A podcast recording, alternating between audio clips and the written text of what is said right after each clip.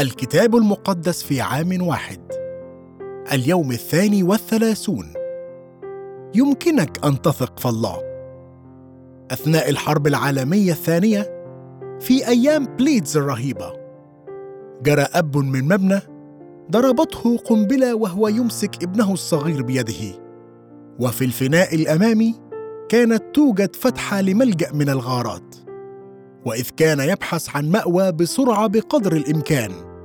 قفز الأب في تلك الفتحة ورفع يديه لابنه حتى يتبعه وكان مرعوبا ولكنه سمع صوت أبيه يقول له أن يقفز. أجاب الصبي لا يمكنني أن أراك. فنادى الأب لكنني أستطيع أن أراك. اقفز. قفز الصبي لأنه وثق في أبيه. بكلمات أخرى لقد أحبه. وآمن به لقد وثق فيه. الإيمان في الكتاب المقدس هو في الأساس أن تضع ثقتك في شخص ما ومن هذه الناحية فهو أقرب إلى المحبة.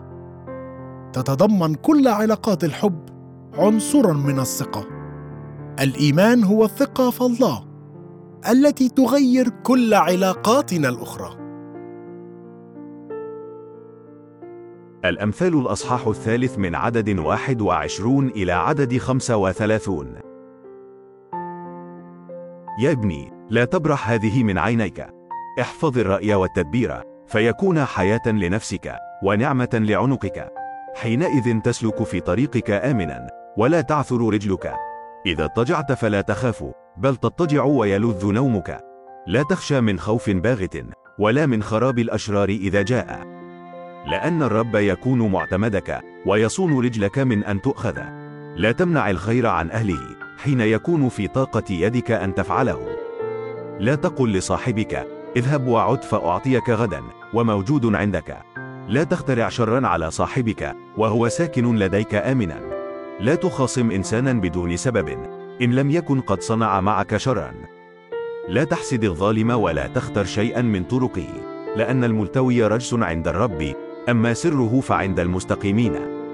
لعنة الرب في بيت الشرير لكنه يبارك مسكن الصديقين. كما أنه يستهزئ بالمستهزئين هكذا يعطي نعمة للمتواضعين. الحكماء يرثون مجدا والحمقى يحملون هوانا. كن واثقا في الرب. هل أنت شخص واثق؟ إن كنت كذلك فمن أين أتتك هذه الثقة؟ هل أتت مما تفعل أو مما تملك؟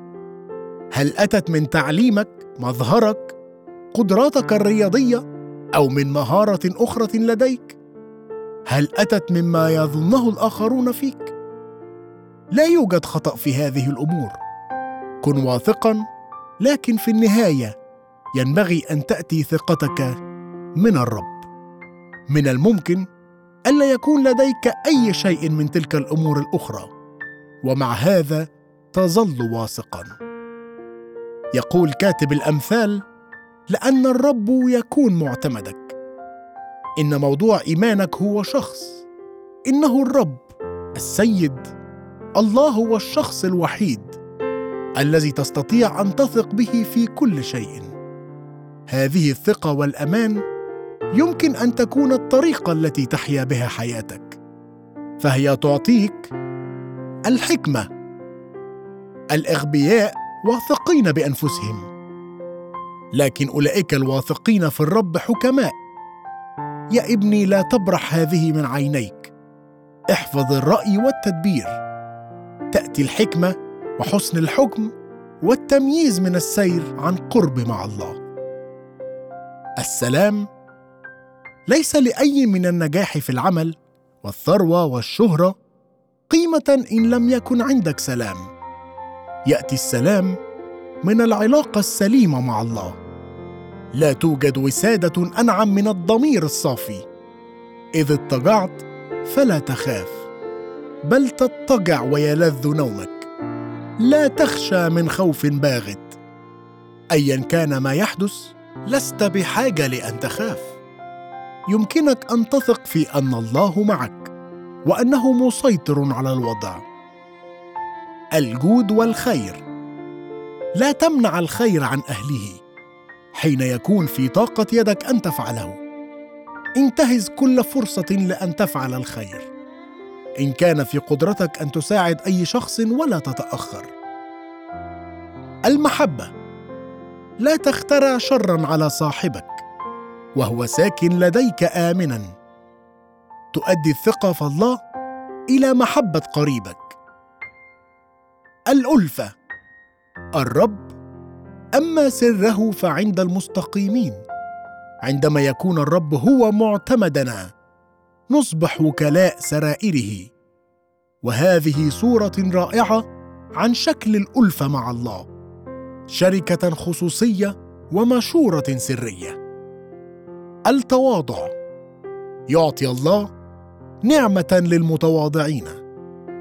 إن كانت ثقتك تأتي من الثقة في الرب فلن يكون عندك سبب للكبرياء. يعد الله بأن يعطيك نعمة وبركة وكرامة. ساعدني يا رب لأحيا حياة الإيمان. إذ أسير بقربك وأضع ثقتي فيك. متى الأصحاح الحادي والعشرون من عدد ثمانية عشر إلى عدد اثنان وثلاثون. وفي الصبح إذ كان راجعا إلى المدينة جاع فنظر شجرة تين على الطريق وجاء إليها فلم يجد فيها شيئا إلا ورقا فقط. فقال لها لا يكن منك ثمر بعد إلى الأبد. فيبست التينة في الحال. فلما رأى التلاميذ ذلك تعجبوا قائلين كيف يبست التينة في الحال؟ فأجاب يسوع وقال لهم الحق أقول لكم إن كان لكم إيمان ولا تشكون فلا تفعلون أمر التينة فقط بل إن قلتم أيضا لهذا الجبل انتقل وانطرح في البحر فيكون. وكل ما تطلبونه في الصلاة مؤمنين تنالونه. ولما جاء إلى الهيكل تقدم إليه رؤساء الكهنة وشيوخ الشعب وهو يعلم قائلين بأي سلطان تفعل هذا؟ ومن أعطاك هذا السلطان؟ فأجاب يسوع وقال لهم وأنا أيضا أسألكم كلمة واحدة فإن قلتم لي عنها أقول لكم أنا أيضا بأي سلطان أفعل هذا معمودية يوحنا من أين كانت؟ من السماء أم من الناس؟ ففكروا في أنفسهم قائلين إن قلنا من السماء يقول لنا فلماذا لم تؤمنوا به؟ وإن قلنا من الناس نخاف من الشعب لأن يوحنا عند الجميع مثل نبي فأجابوا يسوع وقالوا لا نعلم. فقال لهم هو أيضا ولا أنا أقول لكم بأي سلطان أفعل هذا. ماذا تظنون؟ كان لإنسان أبنان فجاء إلى الأول وقال يا ابني اذهب اليوم اعمل في كرمي. فأجاب وقال ما أريد. ولكنه ندم أخيرا ومضى. وجاء إلى الثاني وقال كذلك. فأجاب وقال ها أنا يا سيد. ولم يمضي. فأي الاثنين عمل إرادة الأب قالوا له الأول. قال لهم يسوع الحق أقول لكم إن العشرين والزواني يسبقونكم إلى ملكوت الله لأن يوحنا جاءكم في طريق الحق فلم تؤمنوا به وأما العشرون والزواني فآمنوا به. وأنتم إذ رأيتم لم تندموا أخيرا لتؤمنوا به. آمن بيسوع. يقول يسوع إن كان لكم إيمان ولا تشكون فيكون. الإجابة هي أن مؤمنين تؤمنوا تؤمنوا هذه هي الكلمة الواحدة التي تضم الفقرات الثلاثة التي تبدو مختلفة. أطعم إيمانك وسوف تموت شكوكك جوعا.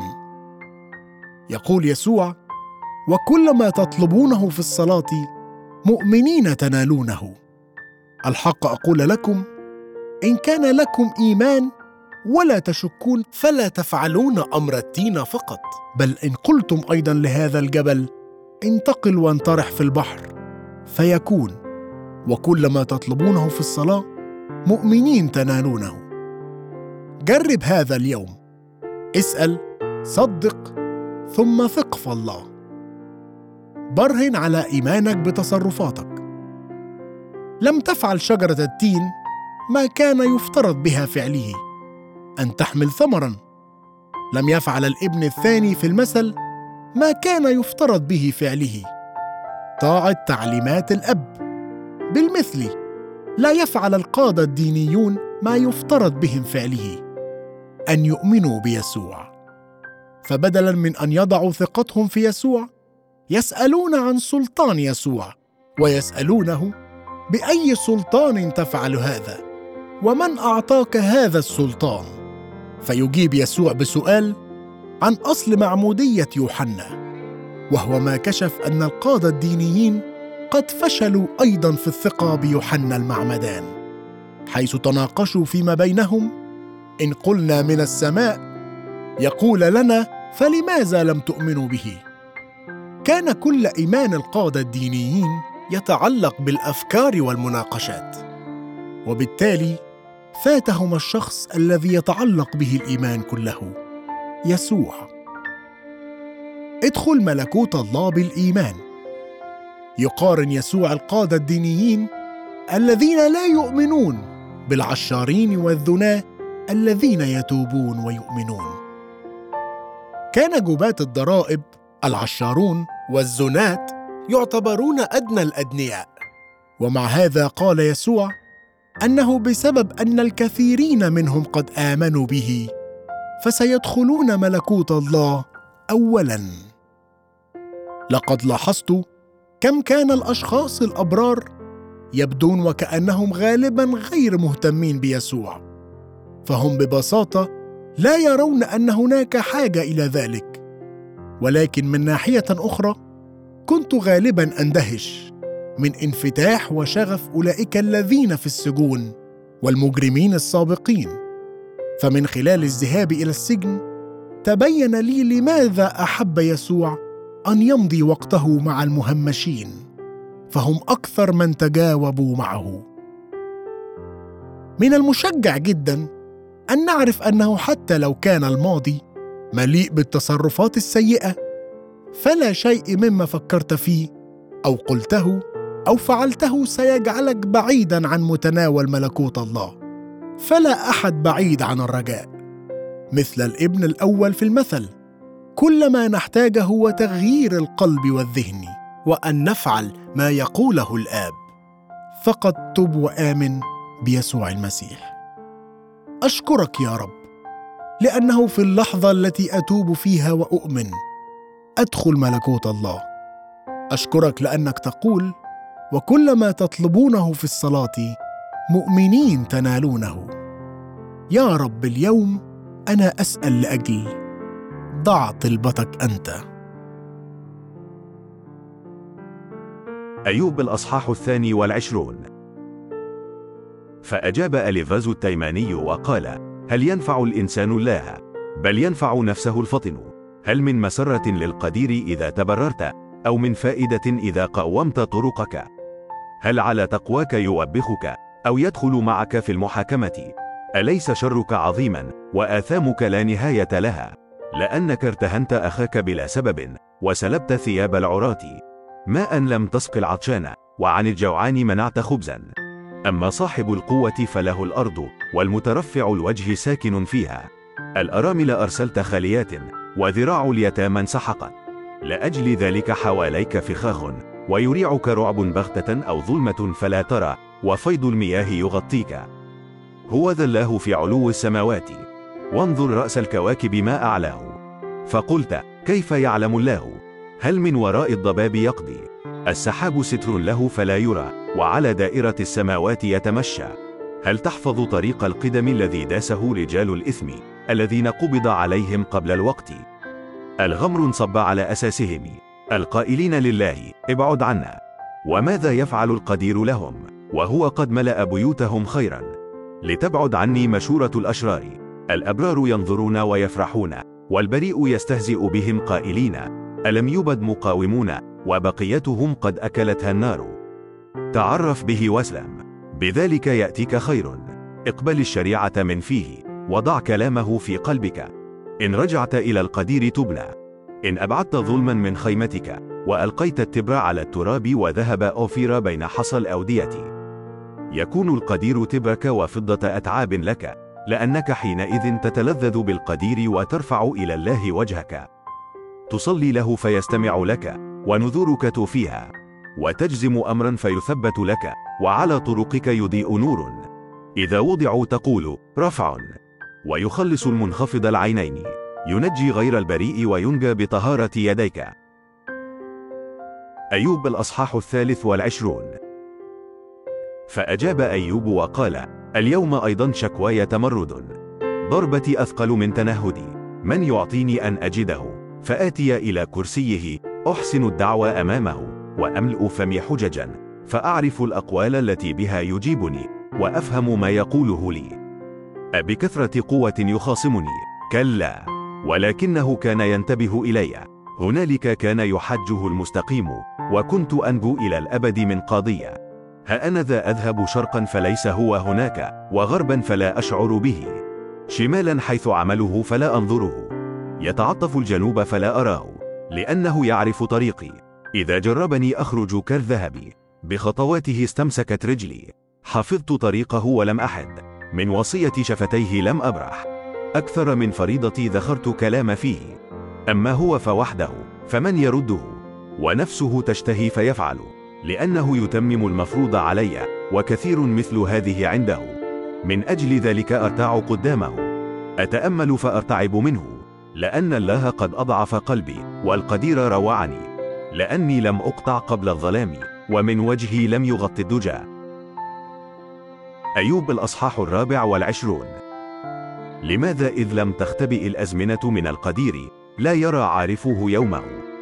ينقلون التخوم يغتصبون قطيعا ويرعونه يستاقون حمار اليتامى ويرتهنون ثور الأرملة. يصدون الفقراء عن الطريق.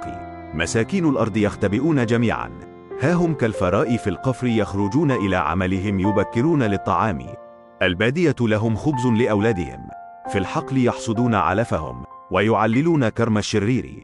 يبيتون عراة بلا لبس وليس لهم كسوة في البرد.